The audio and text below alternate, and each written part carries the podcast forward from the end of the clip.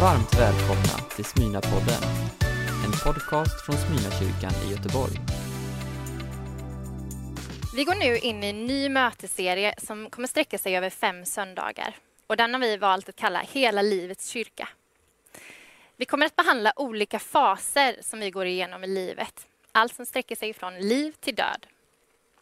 Dessa faser har sin utgångspunkt i psalm 23, vilken vi ska fördjupa oss i.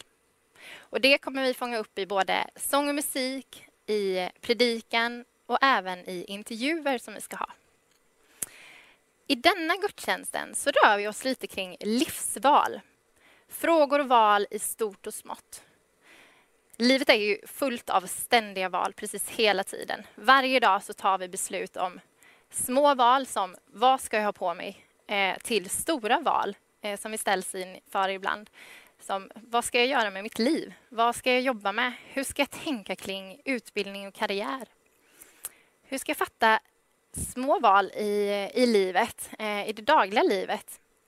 Eh, vem ska jag dela mitt liv med? Och hur ska jag tänka som kristen i allt det här? Och vad händer om det blir fel? Var med mig i bön för den här gudstjänsten. Himmelske far, vi tackar dig för en ny dag, en ny söndag och att vi har förmånen att få fira gudstjänst tillsammans. Tack för att du är med alla medverkande och att vi får vara lite av din förlängda arm den här söndagen och få eh, visa på vem du är.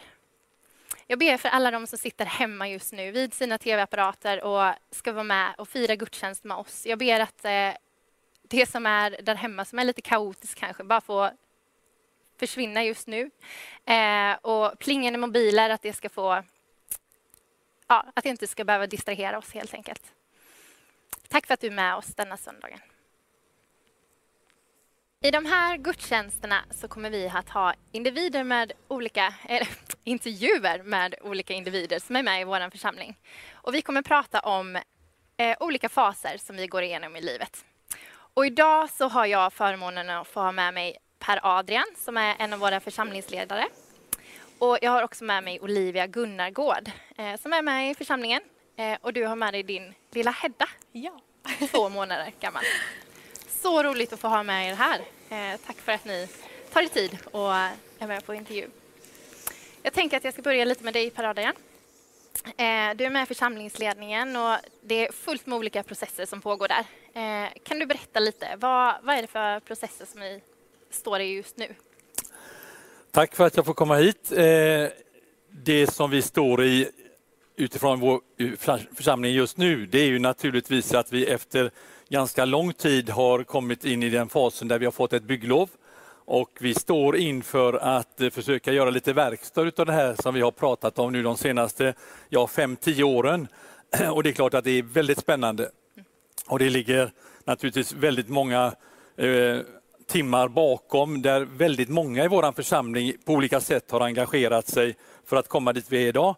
Så att, eh, nej, det känns väldigt spännande och roligt och eh, nu ser vi fram emot att eh, komma in i den fasen som också kommer innebära massa utmaningar och som vi kommer att stå inför och det blir väldigt, väldigt roligt. Och vi som församling, förhoppningsvis efter att pandemin på något sätt kom, vi kommer över det så kommer vi få ett helt annat sätt också att kunna mötas på det sättet. Så det blir jätteroligt. Ja, det är ju otroligt spännande det här som vi står i eh, med Frihamnskyrkan. Ja. Eh, kul att du är med och är med och driver de här processerna. Men jag funderar lite, är du van att arbeta eh, så här? Processer i, i stort jobb? Vilka andra processer Jag jobbar, ju, jag jobbar ju i näringslivet och eh, i lite olika företagskonstellationer och eh, man jobbar med, med människor i de här sammanhangen och det är precis samma sak i de här sammanhangen.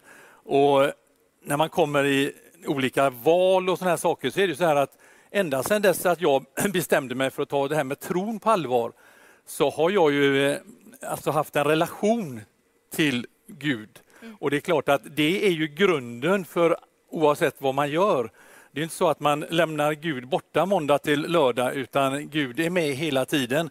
Och eh, det är det som jag upplever att det är det som är så spännande att vara kristen här och nu. Vi måste helt enkelt få tag i det här så att vi förstår att Gud gör skillnad i vardagen Eh, det handlar liksom inte om söndagen i första hand. Söndagen, där får vi tanka på ordentligt. Men det är vardagen och den, den, de typ av beslut och annat man står inför och människor man har runt omkring sig. Det är ju det, när man får jobba tillsammans med eh, Gud. Det, det, är som att en relation, man pratar om eh, när man har levt tillsammans ett tag så, så lär man ju till, till slut känna vad de andra vill och tänker. Och det är där, ju längre vi får hålla på och ha relation till vår Herre i de här sammanhangen genom att läsa Bibeln och be. Men det här naturliga, sunda bondförnuftet som vi har med oss, det är där som vår Herre kan få vara med och spela en jättestor roll för oss i vardagslivet. Och det tycker jag, det är det jag egentligen brinner mest för just nu. Att jag vill ha fler som ska få känna det här. Gud gör skillnad i vardagen. Och det är inte alltid att det är enkelt. Och ibland kommer vi, jag har passager som jag Ibland funderar man på om man ska evigheten. Det, jag har en hel del frågor som man får ha med sig dit. För man, man får inte alla svaren här och nu. Utan man får, men det är väldigt mycket skönare att ha någon att anförtro sig åt. Oavsett om det blir som man själv hade tänkt. Eller om det inte blir det. Eller om man får vänta. Så det, processen med fem till tio år att bygga kyrka, det var nog ingen av oss som hade tänkt från början. Men gång på gång har vi fått se hur Herren har lett oss i olika sammanhang. Och det är stängda dörrar, det är öppna dörrar. Ungefär så ser det ut i vardagslivet också. Och det handlar om människor precis på samma sätt som i det här sammanhanget. Ja, men vad fint att du säger det, för många gånger så tänker jag så här, ja, men självklart så är det så att man har med Gud i en församling och i de processerna. Men som du nu eh, ger uttryck för, att du också tar med dig Gud i vardagen, i de processerna som du leder även i företagsvärlden, i, ja, i de olika styrelser som du sitter i. Det är ju så gott att höra. Eh, jag tänker, finns det... Du sa det lite och du behöver egentligen inte lägga ut det så mycket, men just det här när det blir fel, vad du är inne på. Eh, finns det gånger, jag antar att det finns gånger som det har blivit fel. Hur hanterar du en sån situation? Det är en definitionsfråga vad som blir fel, men jag kan ju säga så här att jag har upplevt passager i livet som jag än idag undrar över, hur tänkte han här? Mm. Eh, och det är klart att det får man nog ha med sig. Men oavsett det, även det, om det blir fel eller om det inte blir som du har tänkt, så det är väldigt mycket skönare att vara två än att vara själv och brottas med det där. Men jag, jag kan bara konstatera att eh, livet är inte så enkelt eh, emellanåt. Ju längre man får vara med, ju mer eh, frågetecken får man emellanåt och de får man ta med sig. Och då är det skönt att dela dem med, med någon också. Mm. Så att, eh, och när du säger någon och att vara två, vad menar du då?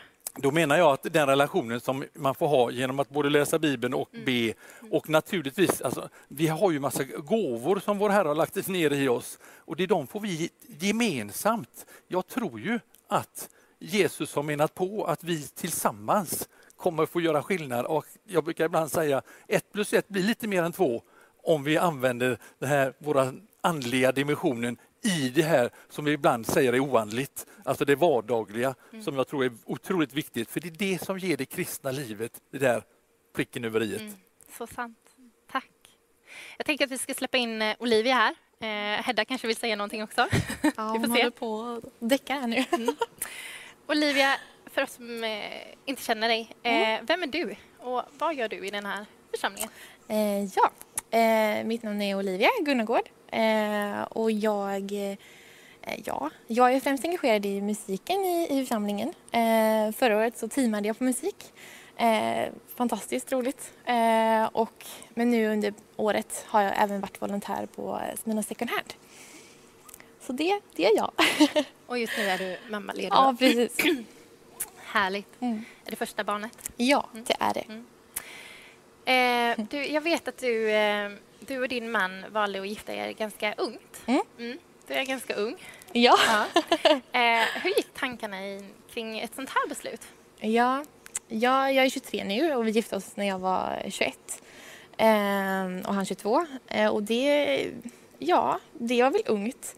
Eh, men det var inte så mycket vi tänkte på då. Det var inte så viktigt så, utan vi kände att ja, men det var ett steg vi ville ta. Vi hade hittat varandra väldigt tidigt och det är jag ju så glad för.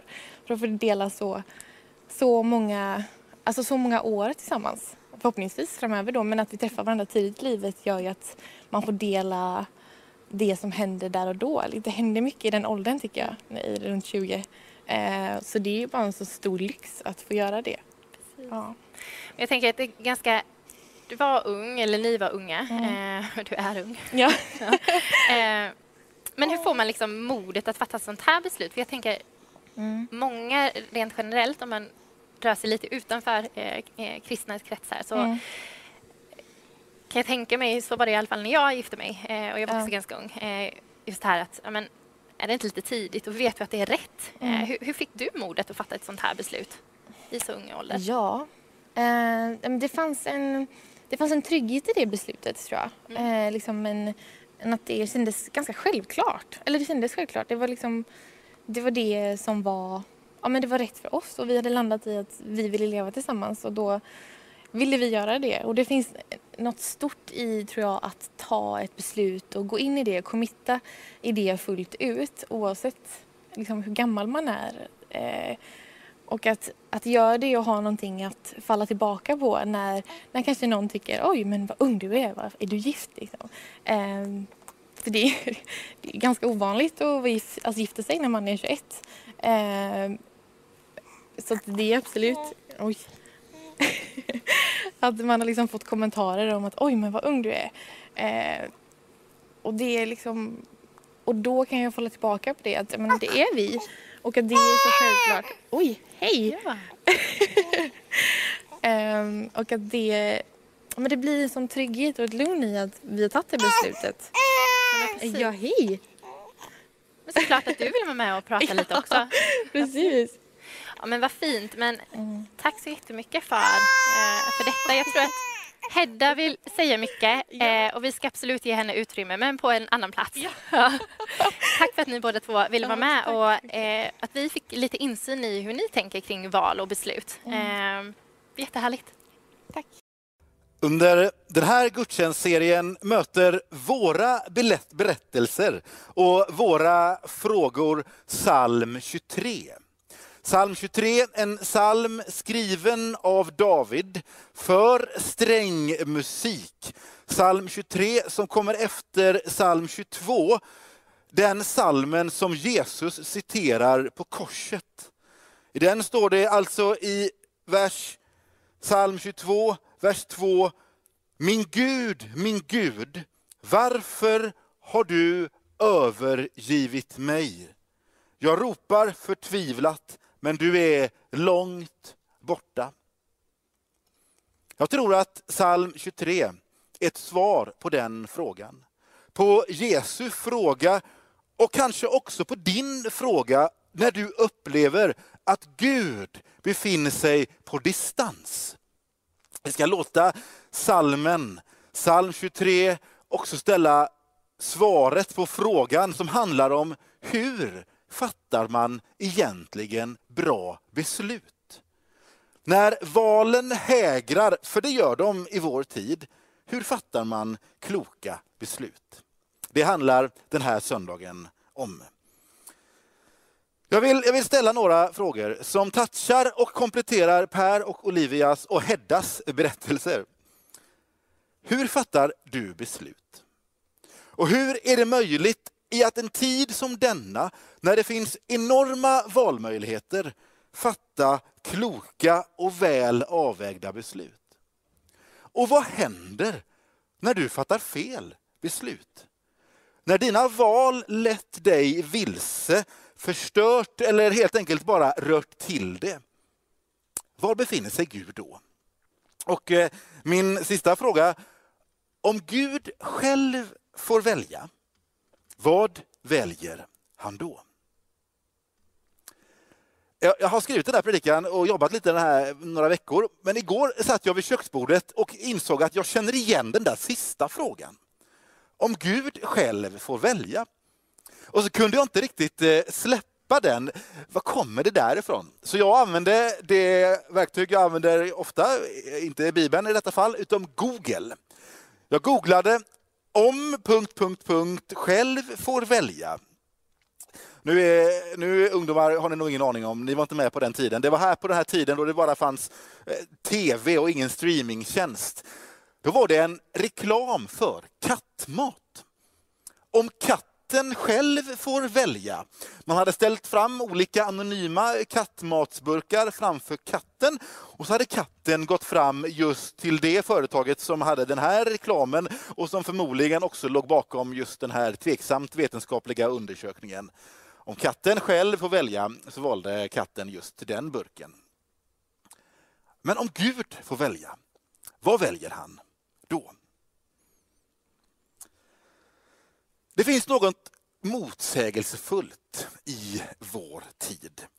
Trots att vi lever i de många valens land, där valmöjligheterna är fler än någonsin, så blir vi ändå inte lyckligare. Finner ändå inte mer mening med livet. Barry Schwartz, en psykolog och professor i social teori, säger i vårt moderna liv har valen i livet blivit långt fler och våra valmöjligheter märks inom en rad områden som utbildning, karriär, relationer, utseende och konsumtion.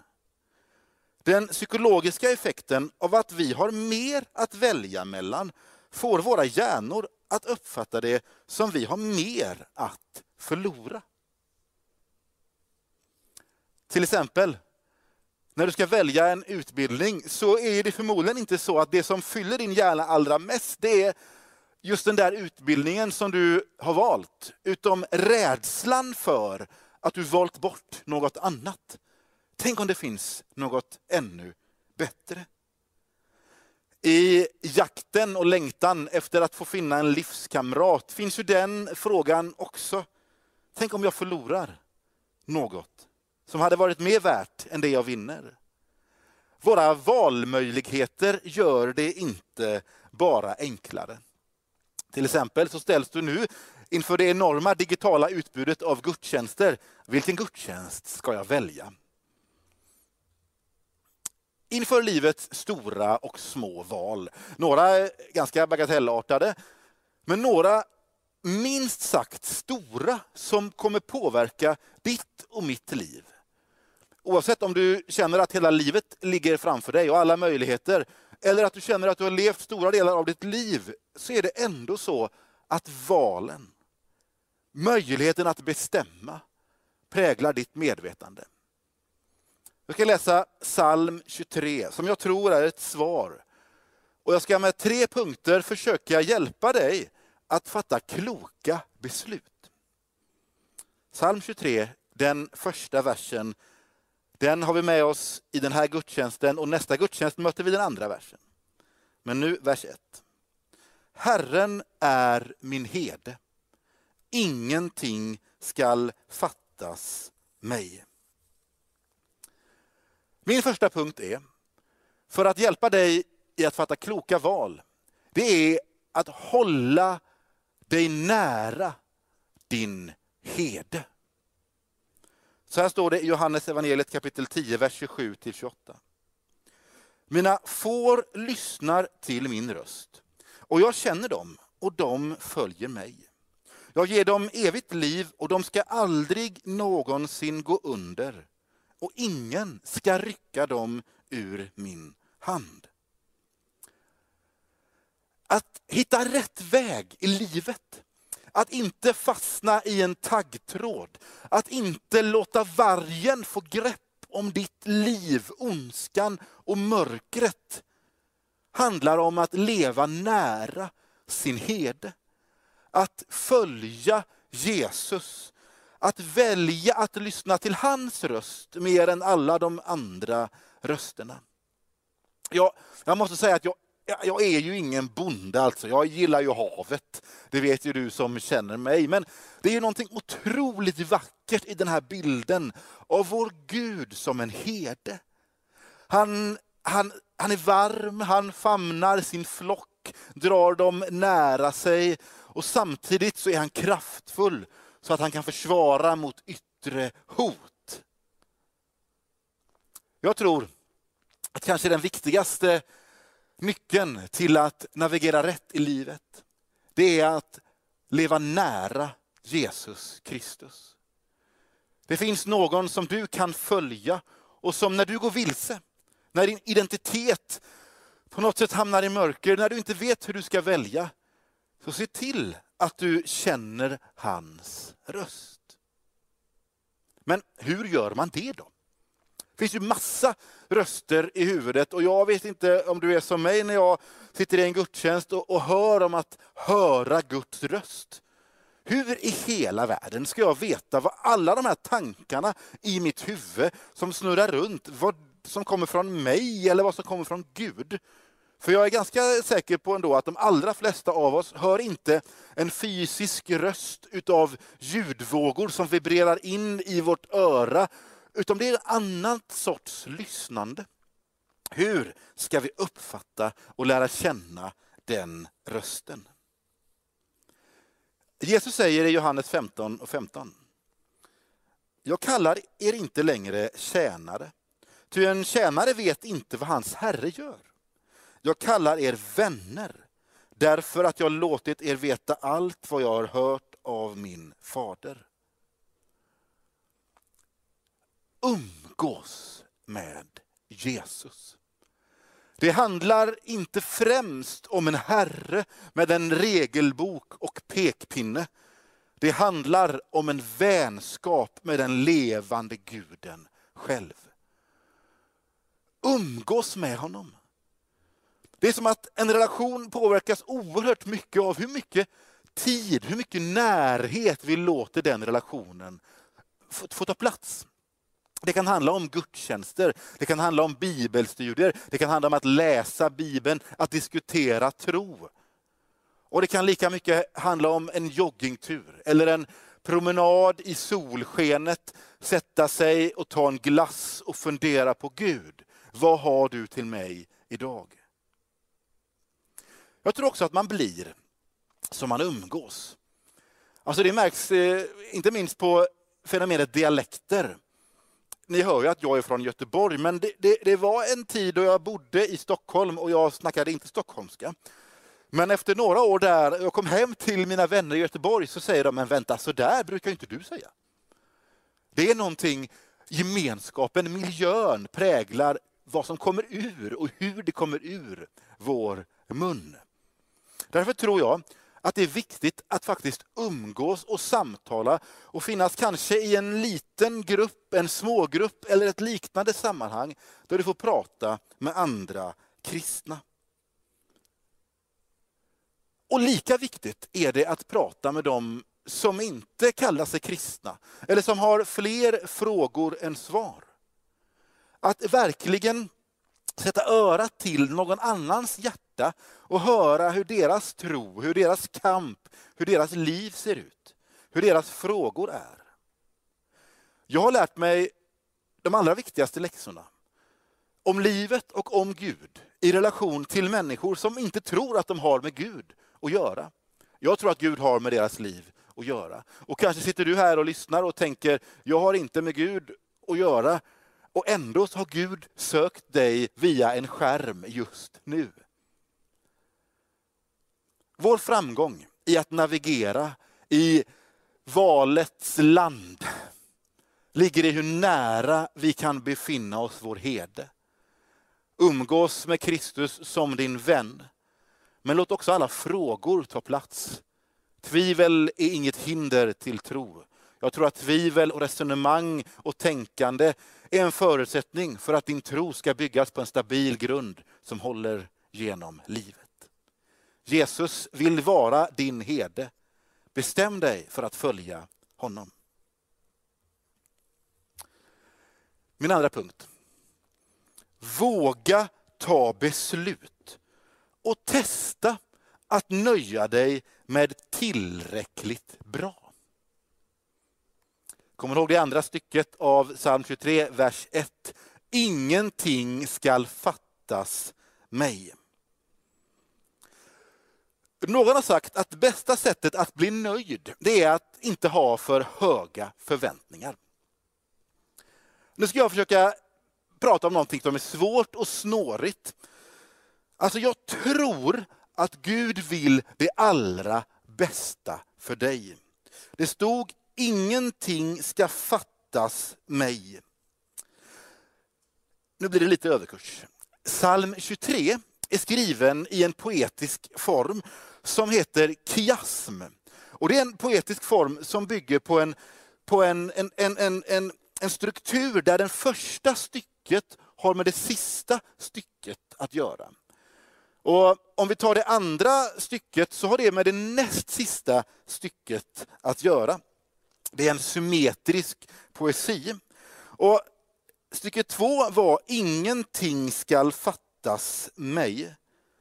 Och eh, jag tror att det händer någonting i oss när vi lägger ihop det med det näst sista stycket. Din godhet och nåd ska följa mig. Alltså Gud vill det allra bästa för dig. Ändå har jag en utmaning till dig. Att inte jaga efter det som är perfekt.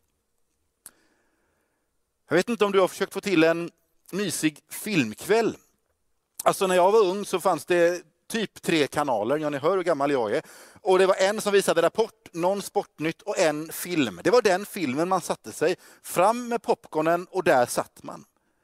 Hemma hos oss nu så finns det ju flera streamingtjänster och flera filmer. Jag kan bara klicka och välja bort. Jag kan välja den och så efter tio minuter, nej, den är inte så bra, vi tar en annan. Nej, den här var inte så bra som jag trodde, recensionen hade nog fel.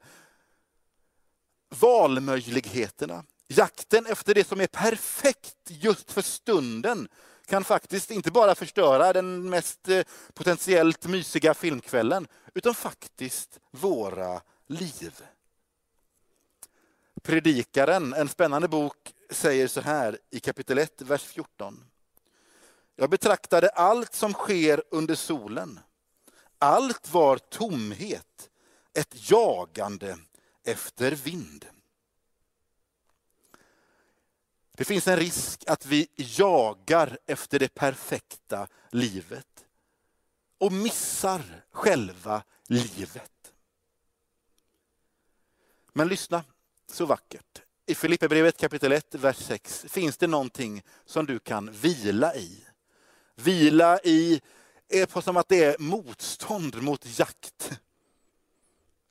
Jag är övertygad om att han som har börjat ett gott verk hos er också skall fullborda det till Kristi Jesu dag. Vila i övertygelsen om att ditt livsverk inte främst är ditt eget, utan det är Gud som har börjat ditt liv. Han som hade förmåga och makt att skapa himmel och jord och allt där i. Han har också satt igång det som är ditt liv. Han ligger bakom det och han finns i det och han vill föra dig hela vägen i mål. Våga fatta beslut. Våga stå fast vid dem även när det skakar. Lita på att han bär. Jag vill skicka in en parentes. För det här handlar självklart om allt från studier till karriär till relationer. Men det finns relationer som inte alls är tillräckligt bra. Där det finns våld inblandat, då är inte relationen tillräckligt bra. Då handlar det inte om att nöja sig, då handlar det om att söka kontakt, att få hjälp och att lämna den som utövar våld. För den är inte värd din kärlek och din närhet och din trohet. Prata med någon pastor, prata med någon annan, sök hjälp. Jag tror att det är avgörande. Det är en viktig parentes. Det är inte det jag talar om. Ibland behöver man gå vidare. Men jag tror att många av oss behöver stå fast på olika sätt, både i relationer men också i beslut som vi har fattat. Och han som har skapat dig, han är trogen och kommer fullgoda, fullborda och bära ditt liv. Min tredje och sista punkt, när det blivit fel då. Alltså ibland, fast att du och jag tror att vi har gjort rätt, så blir det ändå fel. Och ärligt talat, ibland väljer vi mer eller mindre medvetet att göra det som vi vet inte är rätt. Det är mycket lättare att välja det som är lätt än det som är rätt. En ganska bra definition av synd, det är en kortsiktig vinst med en långsiktig förlust. Vad gör du när det har blivit fel? Vad händer egentligen när du valt fel? Du är inte ensam. Apostlarna, jag tror att alla delar den där erfarenheten av att det finns någonting som sliter i oss människor som får oss att välja fel. Paulus skriver i Romarbrevet kapitel 7, vers 19. Det goda som jag vill, det gör jag inte. Men det onda som jag inte vill, det gör jag. Våra val som blir fel leder till att det både påverkar människor och den värld som vi lever i runt omkring oss. Men också vår relation till Gud. Alltså på samma sätt som att när vi talar illa om någon och den sen dyker in i rummet så är det gastkramande svårt. Det är som att det skapar distans. När vi gör fel mot någon så är det som att den människan skjuts ifrån oss. Konflikter, när de inte är konstruktiva och inte leder rätt, för människor isär. Och På samma sätt så gör våra livsval det i vår relation med Gud. Samma distans uppstår när vi inte följer hedens röst. När vi jagar efter något annat, någonting som verkade ännu bättre men som visade sig faktiskt föra med sig en långsiktig förlust. När vi fyller våra liv med det vi, det vi vet kanske inte är rätt prioriteringar så är det som att det uppstår en distans till Guds egna röst in i mitt liv. Ibland så formulerar du kanske det som att jag, jag upplever att Gud är långt borta. Jag tror att det kanske har att göra med att du inte haft tid, inte varit tillräckligt närvarande eller att det faktiskt är så att Gud inte alltid upplevs så nära fast att han är nära. Men ibland har det att göra med val som du och jag har gjort. Så vad händer när du valt fel? Svaret på den frågan är samma som på frågan om Gud får välja. Om Gud själv får välja, vad skulle han välja då? Jag läser ur Matteus kapitel 18, vers 12 till 14. Det handlar om dig och mig när vi valt fel eller när vi är vilse. Vad tror ni? Om en man har hundra får och ett av dem kommer bort, lämnar han då inte de 99 kvar i bergen och ger sig ut och letar efter det som är borta? Och om han lyckas hitta det, sannerligen, då glädjer han sig mer över det än över de 99 som inte har kommit bort. Så är det också. Er himmelske faders vilja, hörde ni vilja, att ingen av dessa små ska gå förlorad. När du valt fel, då väljer Gud dig. Ja, långt innan du är funnen i din vilsenhet, i ditt avstånd från Gud, så är han ute och letar efter dig. Och det här, det, här, det här gäller ju dig som ännu inte har bestämt dig för att följa Jesus. Ännu inte bestämt dig för att låta Gud själv vara herde i ditt liv. Jag tror att han har varit på jakt efter dig länge. Med staven i högsta hugg för att hålla borta faror runt omkring dig så har han ropat och letat och kanske har du anat och uppfattat ett litet rop, sett något tecken. Du har möjlighet att bestämma dig. Just den här stunden när du lyssnar på det här, göra ett val som kommer påverka hela ditt liv. Bestämma vem du vill följa, vem du vill dra dig riktigt nära. Och Det här gäller ju också dig och mig som har varit kristna länge.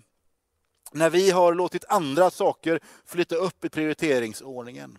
Eller när vi har fallit och valt bort och gått vilse. Då väljer Gud dig igen.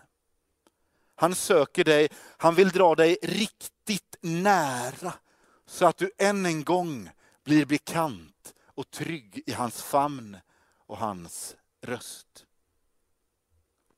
Välj Jesus. Han väljer dig. Vi ber tillsammans. Tack Jesus för att oavsett om vi lever i detta land av val, när det blir som en dimma och vi inte vet hur vi ska ta oss fram, så vill du vara vår herde. Herre, jag ber för den som har kommit dit just nu, där det är dags att bestämma sig, att våga lägga sitt liv i dina händer.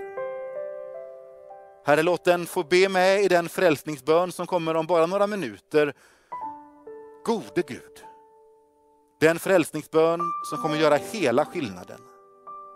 Där du blir heden. Och så ber jag Herre för alla de som har haft dig som herde länge. Hjälp oss att röra oss ännu närmare dig. Jesus Kristus. Hjälp oss med hela vår person, våra prioriteringar. Hålla oss nära din röst. Tack för att du väljer oss i alla lägen. I Jesu namn. Amen. Du har lyssnat på en predikan från Smyrnakyrkan i Göteborg. Hjärtligt välkommen att lyssna igen eller besöka Smyrnakyrkan. Gud välsigne dig och din vecka.